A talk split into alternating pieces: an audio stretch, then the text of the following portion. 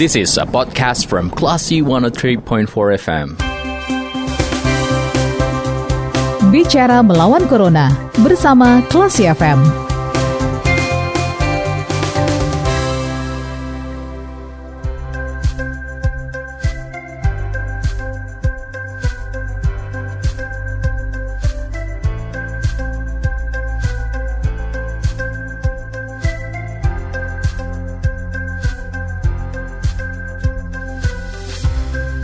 103,4 kelas FM, this is the Actor Radio. Classy People, kembali Anda mencermati program Bicara Melawan Corona, masih bersama saya Faris Sardana. Dan saat ini kasus COVID-19 masih terus terjadi Classy People, dan menyerang siapa saja, baik itu dari masyarakat biasa sampai pejabat dan uh, tak terkecuali juga seorang jurnalis. Dan saat ini kita sudah terhubung bersama seorang jurnalis yang juga terpapar COVID-19 dan sudah menceritakan pengalaman uh, yang bersangkutan ketika berada di uh, ruang perawatan dan kita akan uh, menyapa dulu. Assalamualaikum, selamat sore Mbak Vina. Selamat sore uh, Faris dan juga para pendengar Klasi FM. Assalamualaikum warahmatullahi wabarakatuh. Waalaikumsalam warahmatullahi wabarakatuh. Uh, Gimana kabar Mbak Vina saat ini? Tadi uh, kita sempat terputus, mungkin bisa dijelaskan sedikit kembali Mbak? Iya, Alhamdulillah ini mukjizat dan semuanya berkat kuasa Tuhan, hmm. dukungan keluarga, teman dan doa serta kemauan untuk sembuh. Hmm. COVID itu sebentar, tapi menyiksanya itu secara maraton, 7 sampai 14 hari kita dipacu dan bagi yang lulus alhamdulillah, tapi bagi yang tidak ya lulus ujian dari penyakit yang belum ada obatnya ini ini merupakan anugerah yang tidak bisa diukur Faris. Hmm. Dan pengalaman Mbak Vina selama berada uh, selam, uh, ketika terpapar COVID-19 dan juga berada di ruang perawatan ini juga uh, diceritakan melalui Facebook Mbak Vina yang sempat di take down oleh uh, Facebook iya. ya Mbak. Iya. Uh, tapi sekarang saya juga sudah membaca uh, sekilas uh, dari laman sumberprof.go.id. Boleh diceritakan nggak Mbak, bagaimana uh, pengalaman Mbak Vina jadi pasien COVID sampai uh, di take down oleh Facebook? Baik, nanti soal take down ini kita uh, kita simpan dulu. Hmm. Ya karena anugerah yang tidak bisa diukur itu, ya saya seperti berkewajiban memberikan kisah kepada sesama. Hmm. Ini tadinya kisah ini awalnya saya berikan untuk portal berita yang tempat saya kerja. Tapi kemudian ya akhirnya saya bagikanlah kepada medsos. Hmm. Karena ya seperti kita orang Minang ya kabar baik diberikan, hmm. kabar buruk juga diberikan. Uh, hmm dan memberikan kabar pada lingkaran kecil kita sepertinya itu lebih dulu ketimbang publik. Hmm. Maka saya bagikanlah ke di medsos. Dan nggak menyangka juga Faris hmm. hmm. tulisan di medsos itu jadi viral dalam waktu berapa jam. Bahkan ada, di share lebih dari 700 pengguna Facebook yang lainnya, Mbak. Ada beberapa teman-teman dari wartawan mengutip di media daringnya hmm. dan juga ada yang mengcopy dan membroadcast di aplikasi WhatsApp dan saya juga tidak menyangka bahkan ada satgas COVID uh, juga mempublish di web official mereka. Hmm. Um, mungkin dan hingga akhirnya terjadi takedown itu tadi Facebook ternyata alih algoritmanya itu mana yang seperti tidak jadi salah uh, karena kalaupun kita uh, seperti mesin tapi yang pasti saya membagikan kisah ini dikarenakan pertama saya melihat uh, bahwa reportase yang saya membuatnya dalam sebuah kisah itu merupakan um, hal yang sepertinya dunia harus juga tahu. Hmm, hmm. Uh, yang kedua, kalau tadi Faris mengatakan kenapa ini agak agak bisa jadi viral, hmm. kemungkinan besar saya berpikir uh, tulisan itu sepertinya membantu mematahkan uh, suatu hal apa ya? Mungkin karena saya jurnalis. Hmm. Perspektifnya yang, beda dari masyarakat biasa gitu ya, Mbak? Yang mungkin tidak ada hal-hal belakang di di di diasumsikan lainnya. Hmm. Dan kita selalu menggunakan soal fakta bukan hmm. hoax. Hmm. Uh, yang kedua mungkin karena saya perempuan dan masuk pada golongan kaum yang muda. Hmm. Mungkin ini juga mematahkan asumsi masyarakat yang melihat tadinya mayoritas pasien-pasien COVID itu adalah laki-laki. Hmm. Hmm. Dan juga golongan yang tua gitu. Tapi melihat ada seorang perempuan muda yang terpapar dan masuk ICU pula, hmm. itu mungkin cukup menyentakkan masyarakat sekitar bahwa ini COVID ini tidak hanya pada siapa pun, eh, pada pada pada laki-laki saja yang punya riwayat paru-paru, jantung, rokok dan lainnya ini bisa bisa juga terkena oleh perempuan hmm. dalam usia yang muda. Mungkin ini yang juga me, me, apa ya mm, membuat masyarakat akhirnya mm, melihat bahwa uh, ada kisah lain dalam dalam dalam tulisan saya itu. Hmm. Dan biasa ya biasanya pun ada juga perempuan, hmm. cuman kebanyakan kemungkinan ya, hanya mungkin isolasi di rumah atau OTG mungkin seperti itu mungkin ya cukup menyentakan juga mungkin di sana hmm. gitu Haris dan juga perspektifnya mungkin uh, bagaimana cerita uh, di balik itu semua kadang juga uh, tidak bagi pasien lain mungkin tidak semuanya mengalami dan itu salah satunya dialami oleh Mbak Vina gitu ya Mbak? Iya benar. Hmm. saya juga begitu melihat banyak perbedaan menjalani rumah sakit COVID dan rumah sakit umum. Uh, kita jurnalis biasa um, apa ya untuk lagi saat masa pandemi ini kita kan hanya hanya mendapat rilis hanya hmm. mendapat uh, liputan di luar tapi ketika kita benar yang menjalani ini ini sangat perbedaannya di dalam itu di dalam zona merah dan bagaimana mereka, mereka bekerja itu suatu pengalaman yang luar biasa. Hmm. Saya masuk di rumah sakit itu perbedaannya adalah e, tidak ada keluarga yang boleh mengantar. Kalaupun hanya ada hanya sampai pagar rumah, hmm. karena itulah ambulans itu jadi alat transportasi. Hmm. Jika Anda kuat, maka Anda harus menggotong barang bawaan Anda sendiri ke dalam rumah sakit itu. Jadi pergi sendiri, bawa sendiri, um, dan sembuh harus sendiri. Hmm.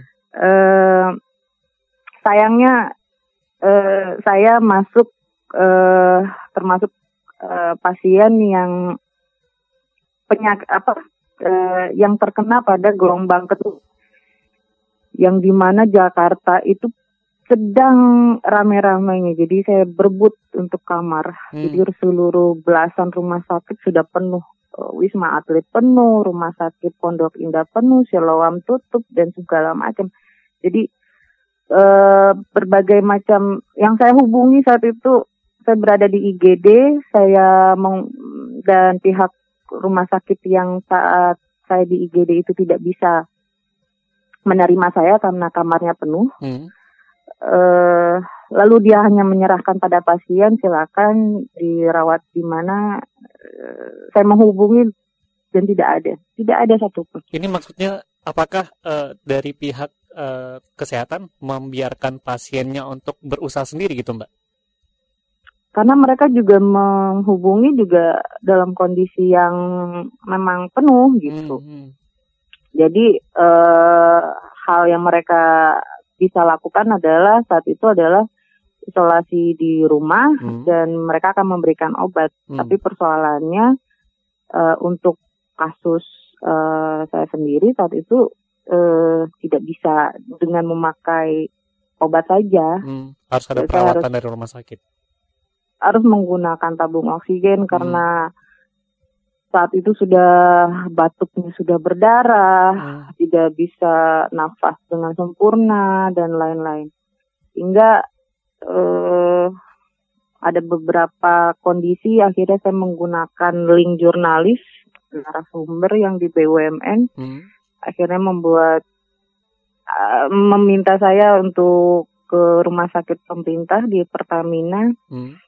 Dan mengatakan ada kamar dan ada kamarnya itu pun kita harus masuk pada list tunggu begitu hmm. uh, uh, chaosnya saat itu ya uh, sehingga uh, kalaupun ingin sembuh kita harus mengantri ya seperti itulah. Ini berapa lama um, dari Mbak Vina uh, hmm? dibawa oleh ambulan, kemudian sampai mendapatkan kamar di rumah sakit Pertamina? Itu di IGD sampai sore malam diangkut ambulan sampai jam 12, hmm. jam 1 itu sudah di IGD-nya rumah sakit khusus COVID hmm. di Pertamina. Hmm. Dan menunggu kamar itu sampai jam 3 pagi, jam setengah 4 subuh baru ada kamar kosong. Baru saya dimasukkan. Itu pun, ya karena itu ada list tunggu seperti itu. Hmm. Dan eh, kondisi ini mungkin bisa juga jadi gambaran eh, begitu apa ya uh, saya melihat tenaga medis di sana itu uh, seluruhnya itu seperti multi tugas. Hmm. Semua dikerjakan karena mungkin Sendiri. kekurangan tenaga gitu ya Mbak? Uh, pertama mungkin itu, hmm. yang kedua adalah mereka uh, harus melakukannya tidak membuang waktu gitu. Hmm. Jadi kalau mereka menunggu orang lain lagi atau ini mungkin akan membuang waktu karena penyakit ini adalah penyakit seperti tadi saya bilang penyakit maraton hmm. bukan penyakit yang uh, mungkin kalau TBC ada rentan waktu ya hmm, gitu. hmm. Uh, kalau ini dia dalam waktu berapa hari saja sehari saja sudah uh, lain gitu mungkin hari ini ada pasien yang bisa bicara besoknya sudah uh, kehabisan nafas dan sebagainya. Hmm. Karena maraton seperti itu akhirnya para tenaga medis ini bekerja. Um, Mbak Vina juga mengatakan dalam tulisannya bahwa uh, ketika ya. mengalami demam itu seluruh tubuh men, uh, mandi keringat bahkan sampai mengganti pakaian uh, dua kali per jam. Apakah seperti itu, Mbak? Iya, jadi uh, jadi kalau ingin mengatakan bagaimana ciri-ciri COVID, eh, awalnya itu saya merasa itu hanya masuk angin, hmm. rasa hanya masuk angin, eh, dan kelelahan. Eh, ya kita kita seperti biasa mengambil beberapa hal yang bisa menghilangkan masuk angin, minum hmm. minum sesuatu atau meredakan apa, dan besoknya demam, cuman demamnya hilang timbul gitu. Hmm. Demam hilang timbul, hari kedua demam, uh, hari ketiga itu hari ketiga masih seperti itu demam, tapi tidak terlalu panas, uh, hilang lagi, muncul lagi. Hmm. Malamnya muncul, dan saya pikir saya hanya ken, mungkin ini saya kena tipes karena mungkin saya kena langganan tipes mungkin. Dan juga aktivitas yang padat itu begitu ya Mbak? Iya, hmm. seperti kita jurnalis yang uh, rasa demam itu sudah jadi kayak rasa biasa saja. Hmm, hmm. Uh, saya tidak ada berpikiran untuk COVID karena ciri-ciri untuk batuk pun di hari ke lima ke ke enam itu tidak ada, tidak hmm. ada batuk. Uh, dan ketika hari ke-6 dan 7 itu seluruh badan sudah panas, bahkan di ranjang di kasur itu sudah uh, ya keringat demam sampai membuat kayak pola teman tubuh kita sendiri gitu. Hmm. Saking demamnya seperti itu. Gejala-gejala uh, itu ya. berapa lama Mbak Vina rasakan sebelum akhirnya dirawat Mbak? bahkan batuk itu pun ketika uh, pergi ke dokter pertama. Hmm. Jadi saya pergi ke dokter pertama, dokter umum saja ke poli. Uh, karena saya memikir itu, tapi saya ikut rapid test dan ini fakta yang menarik. Saya dirapid dan hasilnya itu non reaktif. Hmm. Uh, ini mungkin bisa jadi fakta yang uh, rapid itu memang tidak akurat tidak akurat hmm. dan ya hanya membuang lah gitu. Hmm. Uh, namun karena mereka melakukan rapid dan, dan melihat ya kemungkinan ya ada ada ada tidak covid gitu. Hmm. Tapi hari besoknya lebih parah hingga akhirnya saya harus dilarikan ke IGD yang tadi awal saya cerita. Di sana saya akhirnya di CT scan paru dan ketemu bintik putih di paru-paru saya yang tidak perokok, tidak punya penyakit apa pun, hmm. uh, jantung dan riwayat lainnya, diabetes tidak, atau seperti yang kita selalu beritakan pada orang-orang hmm, ada komorbid dan sebagainya, uh, tidak ada, uh, tapi ditemukan dan hingga akhirnya saya di swab ternyata positif. Dan saat hmm. itulah akhirnya dokter menyatakan untuk dirawat dan saya harus di dirawat uh, secara keseluruhan di dalam bukan diisolasi di rumah. Berarti Mbak Vina memang uh, tunggal COVID-19 bukan ada komorbid atau penyakit penyerta yang lain gitu ya Mbak? Kemungkinan iya itu. Hmm. Jadi uh, tapi untuk mungkin saya karena rentan mungkin mungkin uh, karena biasa kita pekerja dari dulu pekerja wartawan cuman saya termasuk orang yang kalau sudah uh, larut bekerja jadi sampai lupa waktu gitu ya mbak sampai lupa waktu hmm. sehingga besok ke rumah sakit ya seperti itulah baik. dan di hmm. baik di rumah sakit uh, saya melihat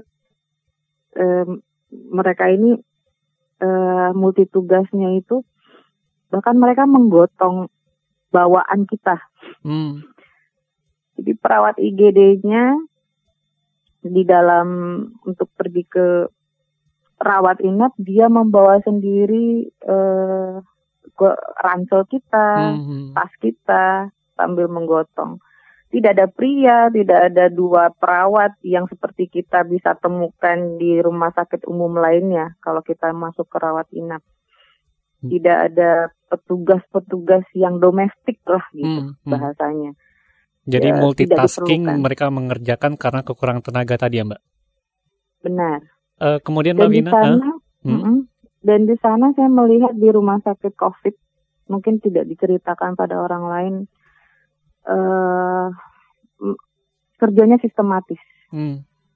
Jadi di saya, saya saya sendiri tidak bisa membedakan apakah para perawat diakah perawat diakah hanya petugas kebersihan dia petugas pemberi makanan pada pasien ataupun dia dokter karena mereka seluruhnya memakai baju asmat yang APD-nya putih seluruhnya tidak ada tidak hmm. ada pin yang mengatakan bahwa saya dokter, saya perawat, tidak hmm. ada seperti itu. Benar-benar seragam.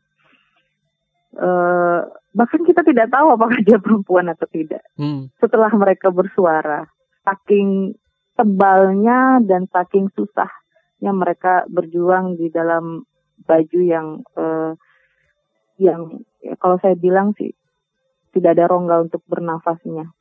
Baik. Kadang saya juga uh, terkejut kalau mereka susah mencari lubang uh, nadi setiap hari me, me, mengambil darah saya. Mata mereka berembun karena mereka tidak bisa mengelapnya Dan karena mengelapnya harus dari dalam. Hmm. Ya, benar. Dan kadang mereka juga bilang mereka tidak bisa menggaruk hmm. ketika pipi mereka itu atau rambut Terasa mereka gatal. Hmm.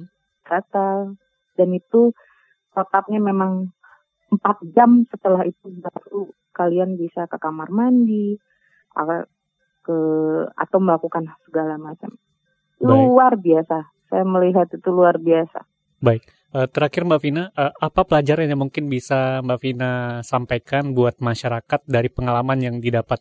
Karena uh, kalau saya baca dari cerita Mbak Vina dan juga uh, cerita kita barusan, bahwa COVID-19 itu sangat jelas uh, bagaimana efek dan juga pengaruhnya kepada kita. Uh, ini pesan buat masyarakat yang mungkin bahkan masih mengabaikan COVID-19 uh, dan juga kadang masih ada masyarakat yang menganggap COVID itu tidak ada. Ini seperti apa, Mbak? Baik, seperti yang tadi kita bilang, mungkin uh, penyakit ini belum ada obatnya. Hmm. Uh, terlepas apakah sekarang ini pemerintah sedang menggalakkan untuk vaksin dan lainnya. Hmm. Tapi hari ini faktanya belum ada obatnya. Uh, kita jangan terjebak soal adanya ini konspirasi, adanya perang internasional antara negara atau industri farmasi dan segala macam. Kita bisa lipat itu dulu, hmm. lipat soal sebab, tapi lihatlah ini ada akibat. Hmm. Hmm. Uh, penyakitnya fakta, uh, wabah ini ada dan saya termasuk orang yang terpapar. Dan kalau para pendengar hari ini merasakan uh, COVID, berita-berita COVID tidak lagi kita dengar di TV, di radio, atau di tulisan yang orang asing yang kita bisa baca dan kita dengar. Tapi sudah orang-orang yang sudah kita kenal, hmm. orang-orang yang sudah di, di lingkaran kecil kita artinya fakta itu ada. Hmm. Eh, hmm, kalaupun tidak me, me, tidak belum kita yang kena, eh, lingkaran itu sudah makin mengecil. Hmm.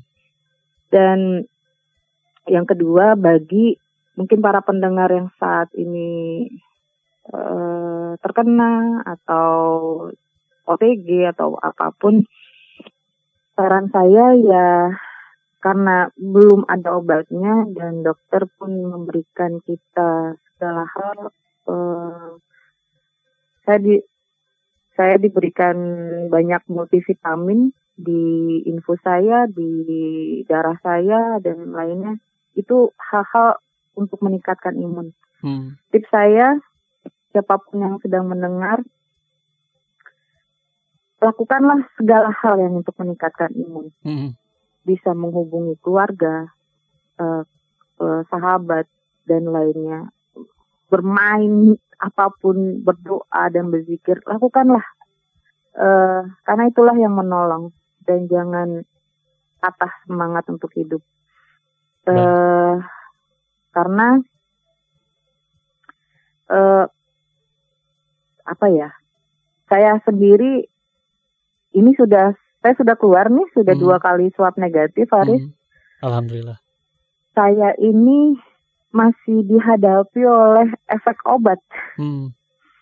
Jadi ternyata obat-obat yang diberikan saat saya di rumah sakit itu uh, tidak terlalu bisa mena menapung kapa kapasitas yang besar itu tidak bisa saya menyerapnya dengan baik gitu dalam hmm. tubuh hingga akhirnya saya uh, suara saya parau, hmm. tenggorokan saya sakit, uh, dan kemarin saat kontrol saya dikatakan overdosis vitamin C hmm.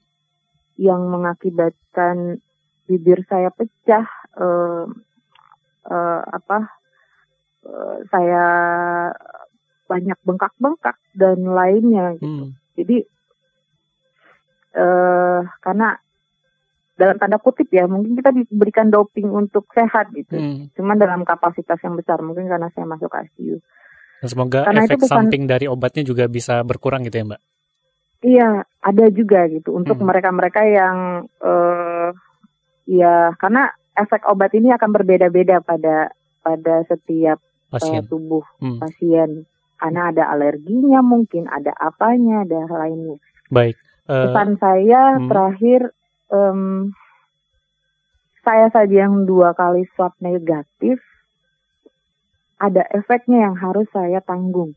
Begitu besarnya kekuatan dan kengerian COVID ini. Hmm. Jadi uh, berpikirlah uh, kembali untuk menjaga kesehatan, protokol. Kalaupun sudah, um, tingkatkanlah dan jaga diri dan juga keluarga.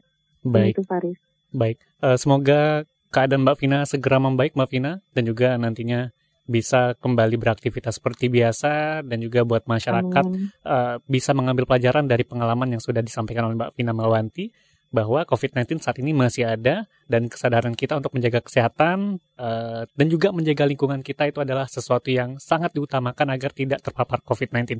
Sekali lagi terima kasih Mbak Vina Melwanti iya. yang sudah berbagi dan bersama. Dan terakhir ini Faris. Silakan Mbak Vina. Sepertinya karena kita jurnalis ya. Hmm. kita harus menyebarkan informasi lebih banyak hmm. dan juga karena teman-teman wartawan Sumatera Barat juga meminta akhirnya ini akhirnya saya jadikan buku hmm. uh, dan ditambahkan literasi yang sudah teman-teman mungkin ada yang baca akan saya tambahkan beberapa hal tentang fakta-fakta lain dan alhamdulillah mungkin dalam bulan ini juga akan terbit di Sumbar nanti nanti. Baik. Baik, uh, semoga segera rilis dan juga uh, cepat sembuh Mbak Vina. Dan nanti kita akan yeah. Iya. uh, membaca buku yang dirilis oleh Mbak Vina. Uh, yeah. Baik, Classy People itu perbincang kita bersama seorang jurnalis yang sudah berbagi pengalaman uh, mengenai terpapar COVID-19 dan juga perjalanan selama berada di ruang isolasi dan perawatan. Dan saya Faris Sardana, kita ke program selanjutnya. Terima kasih. Anda sudah mencermati program Bicara Melawan Corona bersama Klasi FM. Tetap waspada, bersama kita lawan Corona. This is a podcast from Classy 103.4 FM.